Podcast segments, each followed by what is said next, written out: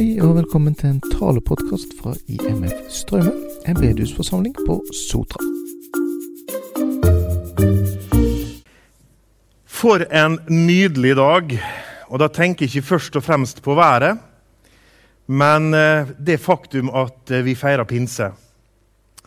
Gratulerer med pinse, folkens. Og vi har faktisk eh, andre pinsedag også som en helligdag vise var de som eh, gjorde det til en så stor eh, feiring, egentlig. For det er virkelig verdt å feire. Og Det er derfor Jesus sier at det er til nytte for dere at jeg reiser til himmelen, slik at Den hellige ånd kan komme og være her med oss. Så det er en nyttig feiring. Det er menigheten sin fødselsdag. Og det er verd å feire. Men nå er det ikke slik at vi har feira pinse bare i 2000 år. Pinse har vi feira i ca. 3500 år. Og Det er jo ingen tilfeldigheter når Gud legger sin plan for hvordan tingene skal skje.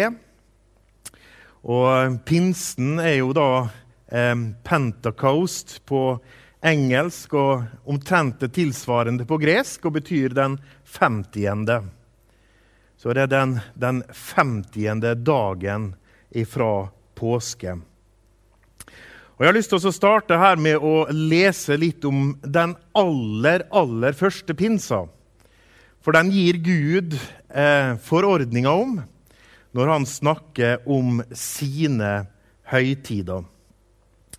Og Da finner vi det først i Tredje Mosebok, kapittel 23. Der får vi vite om de syv årlige høytidene som Gud forordna for Israel. Og pinse er altså én av disse høytidene som Israel skulle feire. Og Der leser vi to vers fra 3. Mosebok 23, vers 15 og 16.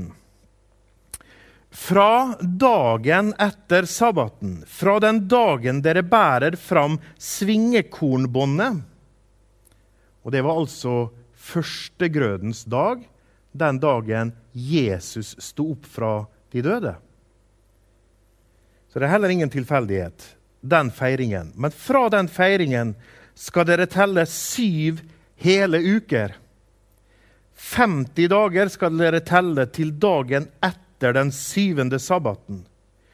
Da skal dere bære fram for Herren et offer av den nye grøden. Og det er genialt av Gud å forklare det på denne måten. Den nye grøden.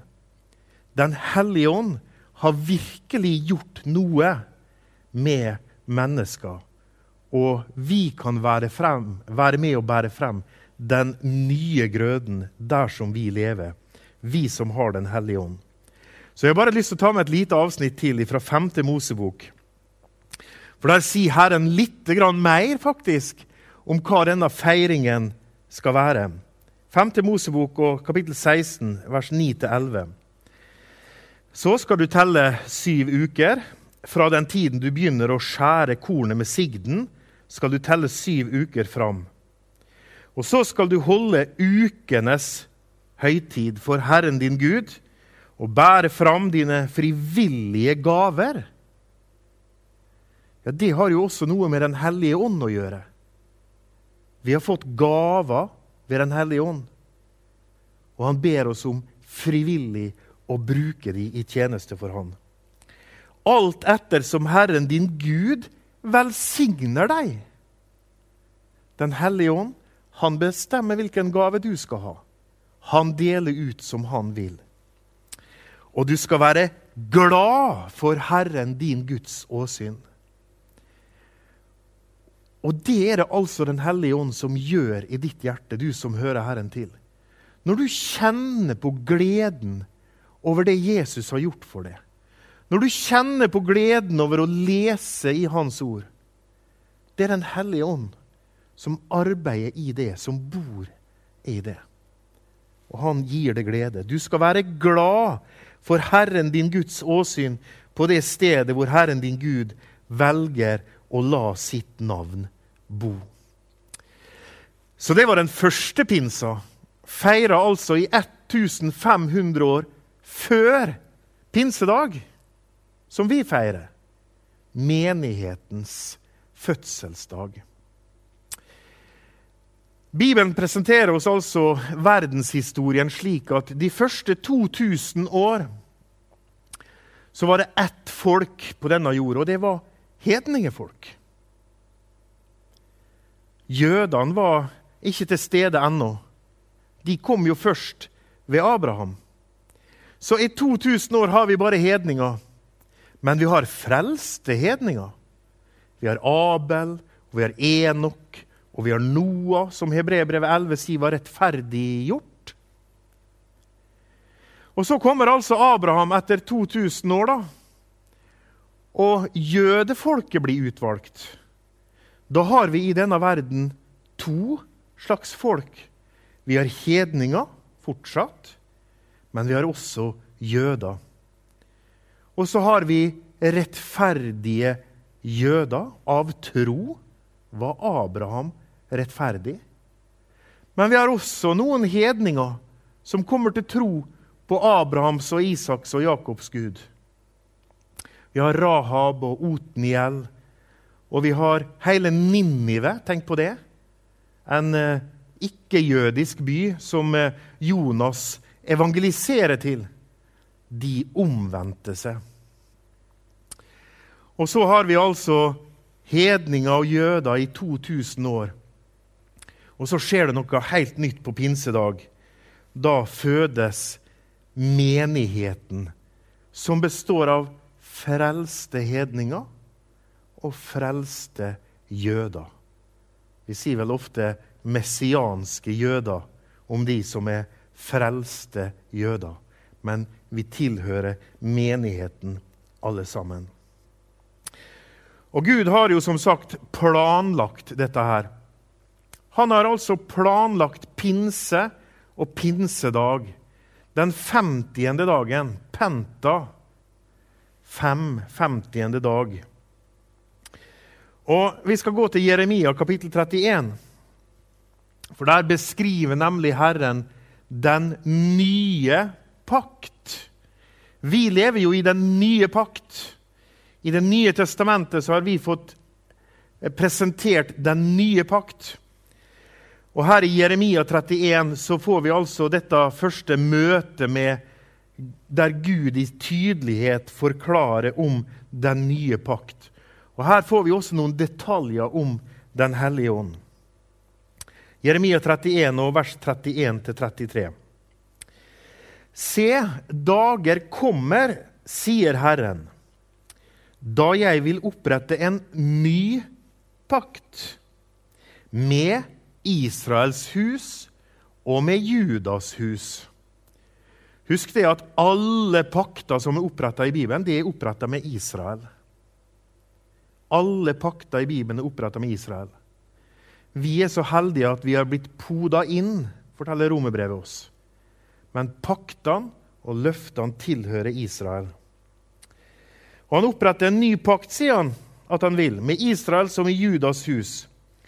Den skal ikke være som den pakten jeg opprettet med deres fedre på den dagen da jeg tok dem ved hånden og førte dem ut av landet Egypt. Hvilken pakt var det? Jo, det var Sinai-pakten.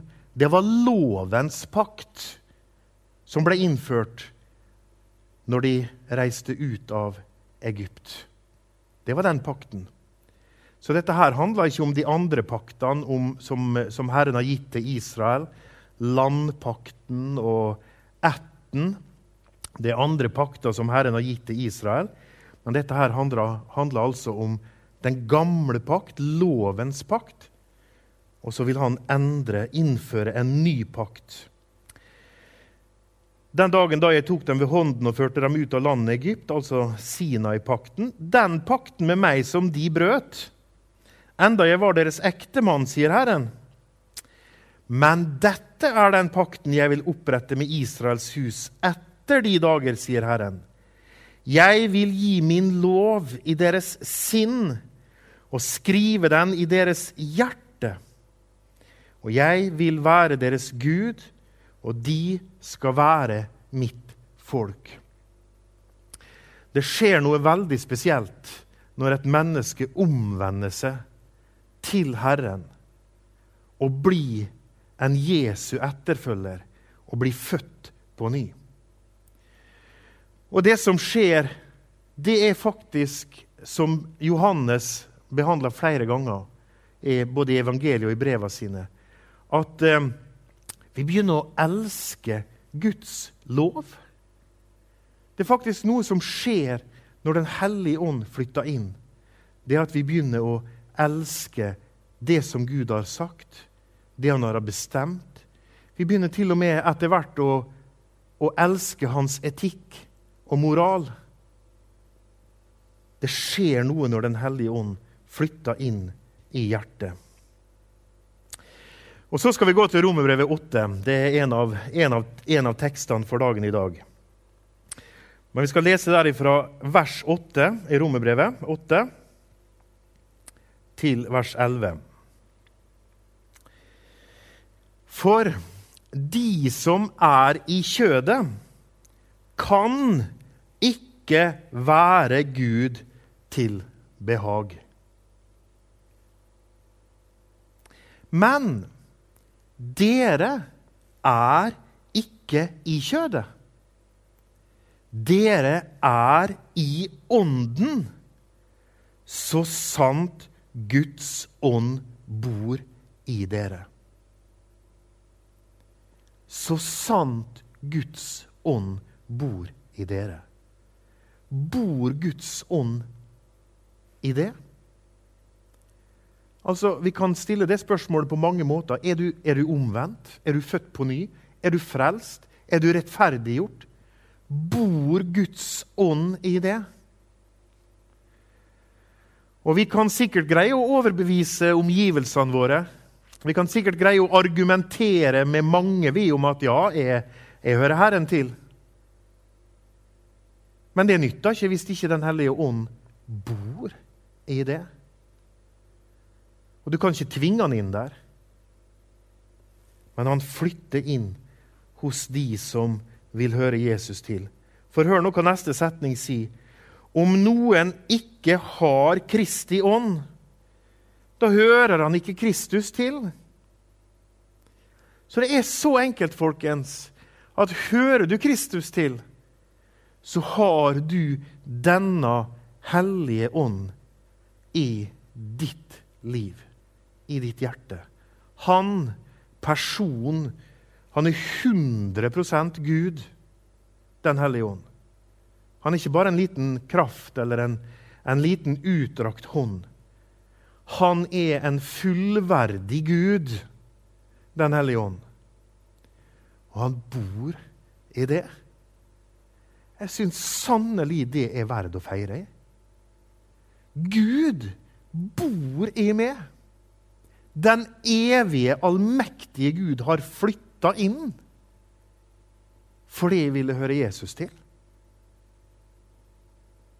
Det er litt skremmende òg, for han veit alt de holder på med, og alltid tenker på, og alltid gjør. Og Bibelen forteller meg at det kan gjøre Den hellige ånds sorg. Han kan altså sørge over prioriteringene mine, over måten jeg lever livet mitt på. Men han har flytta inn i full og heil person. Vi må lese videre her i Romerbrevet 8. Dersom Kristus bor i dere, da er nok legemet dødt på grunn av synd. Ja, det merker vi. Det er ikke sånn at vi er kvitt, eh, kvitt alle de her legemlige skavankene og syndige lyster. De er der.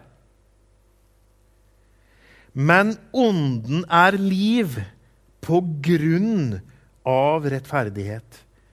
Den hellige ånd han tilfører liv i ditt liv. Han kommer inn i det, og så gir han deg glede og styrke og mot. Han viser deg altså sannheten fra Bibelen. Han overbeviser det, og han veileder det. Han gir deg styrke og glede. Men dersom Hans ånd, som reiste Jesus opp fra de døde, bor i dere Er ikke det litt rart at han bare plutselig blanda inn det? Men det forteller litt om hvilke krefter Gud har flytta inn i ditt liv med. Det er den ånd som reiste Jesus opp fra de døde. Han bor i det og med. Tenker du på det når du går på jobb om dagen? Eller hva du nå enn holder på med. Du står opp om morgenen. Den hellige ånd har flytta inn i mitt liv.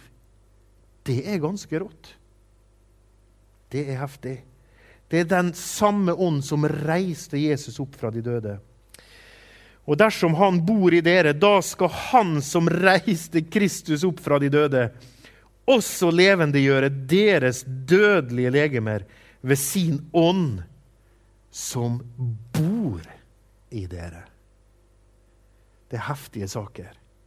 Det er han som er altså sikkerheten for at jeg har et evig liv. Han bor i meg. Og jeg vet at om dette her legemet det begynte å, å skråne litt nedover fra 19-årsalderen og utover OK, det går den veien, men en dag så skal jeg bli satt i frihet med et nytt legeme ved Den hellige ånd. Han bor i hjertet ditt, folkens. Når vi sier til ungene våre at du må slippe Jesus inn i hjertet ditt, når vi sier til hverandre at du må ta imot Jesus, ja, så flytter Den hellige ånd, Gud, i egen person, én av de tre, flytter inn i det og i ditt liv ved Den hellige ånd. Selveste Gud. Tenk litt på det. Han vil òg veilede det til sannheten. Og Det syns jeg faktisk er viktig å ta med i disse dager. Av og til så leser vi litt om mennesker som har blitt eh, forleda av eh, sterke ledere i menigheter, av eh, prester eller predikanter. Vet du, Jeg har lyst til å si, jeg bruker ofte å sitere et bibelvers når jeg skal på talerstolen, og i hvert fall når jeg skal ha en bibeltime. Og det er Apostlenes gjerninger 1711. For der står det nemlig om de i Berøa at de var av et edlere sinn enn de i Tessalonika. Ja, hvorfor var de av et edlere sinn? Jo, for de hørte det som ble fortalt. Men de gikk hjem og granska i Skriften om det stemte, det som de var blitt fortalt. Ja, Men da er du jo skeptiker, da, er det noen som sier. Ja, Bibelen forteller meg at det er edelt å være som de som var i Berøa. Du har Den hellige ånd. Han ønsker å veilede det til hele sannheten. Det er ikke sånn at du må presse det ut av han. Men det er jo sånn at du må, selv om du har en god lærer, så må du jo lese litt. Og Sånn er det med Den hellige ånd òg. Du må lese litt. Han ønsker å veilede deg. Du har ingen prest eller pastor eller predikant til mellommann. Jesus er din mellommann. Den eneste. Altså, Du kan vokse opp alene på ei øde øy, og du kan bli gitt en bibel. Og du kan lese det til hele sannheten. veiledet av Den hellige ånd. Husk det. Tenke sjæl. Det er viktig. Ikke lag din egen filosofi. altså. Det er plenty av de som har gjort det. Du kan suge mye rare tanker ut av ditt eget hode. Men tenk sjøl. Sjekk om det stemmer. Og be om at Den hellige ånd skal veilede deg. Ikke sant? Leit, og du skal finne.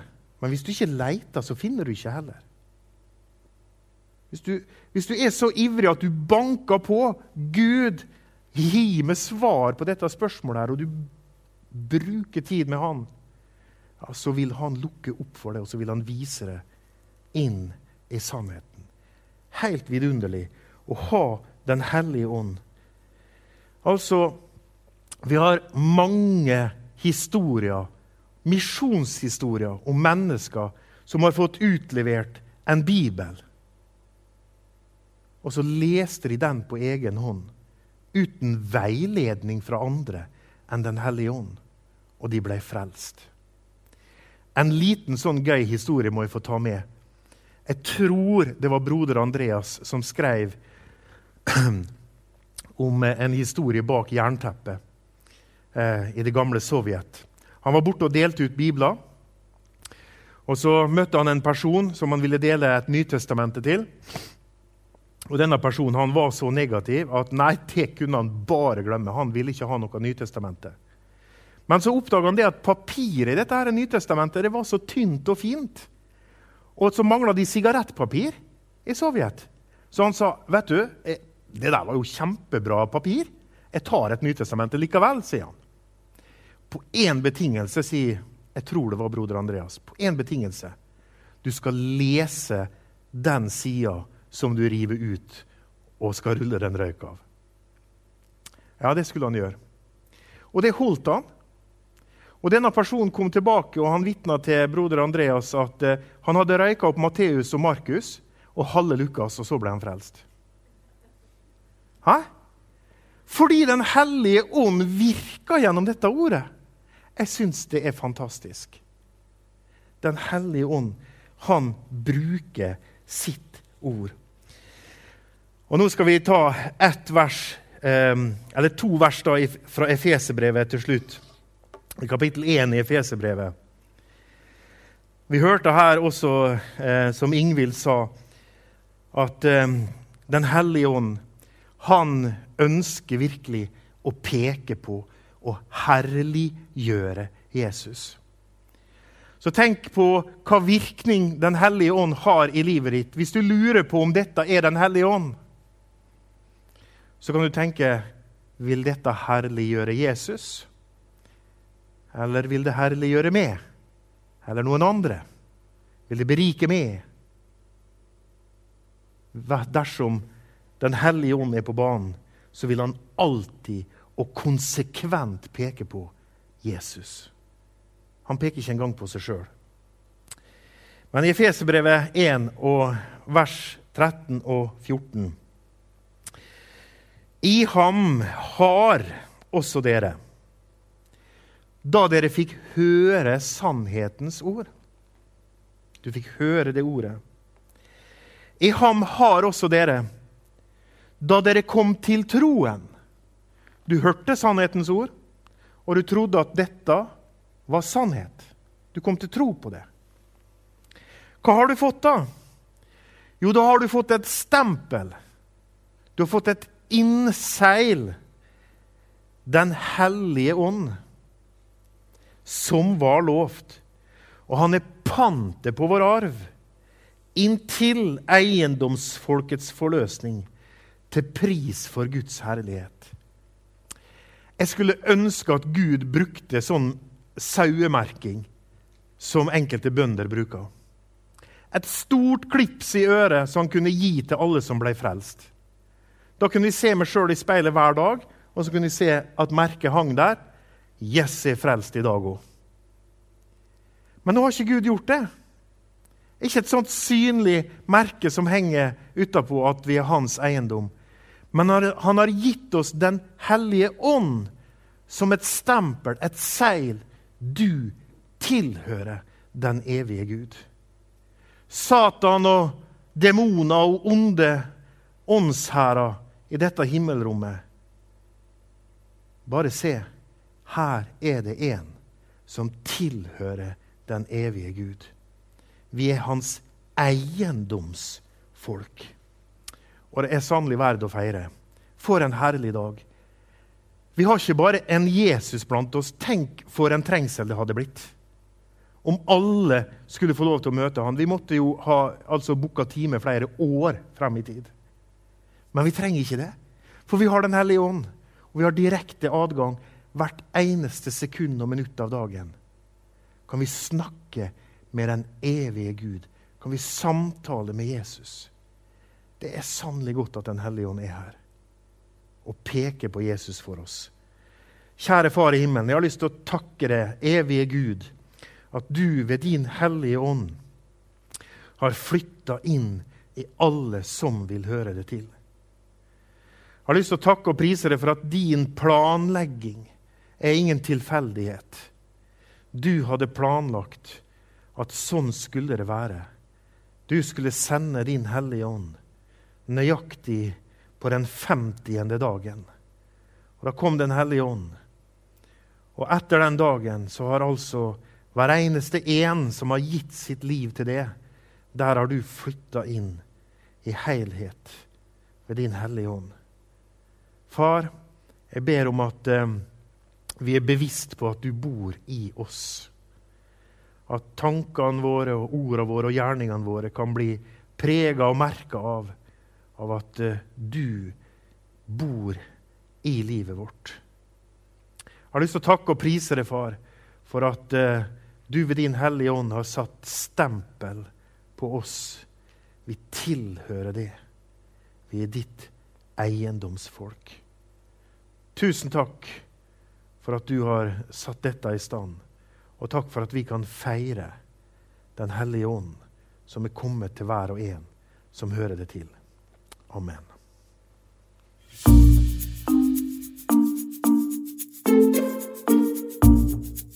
Du har nå hørt en tale fra bedehusforsamlingen IMF Straume på Sotra.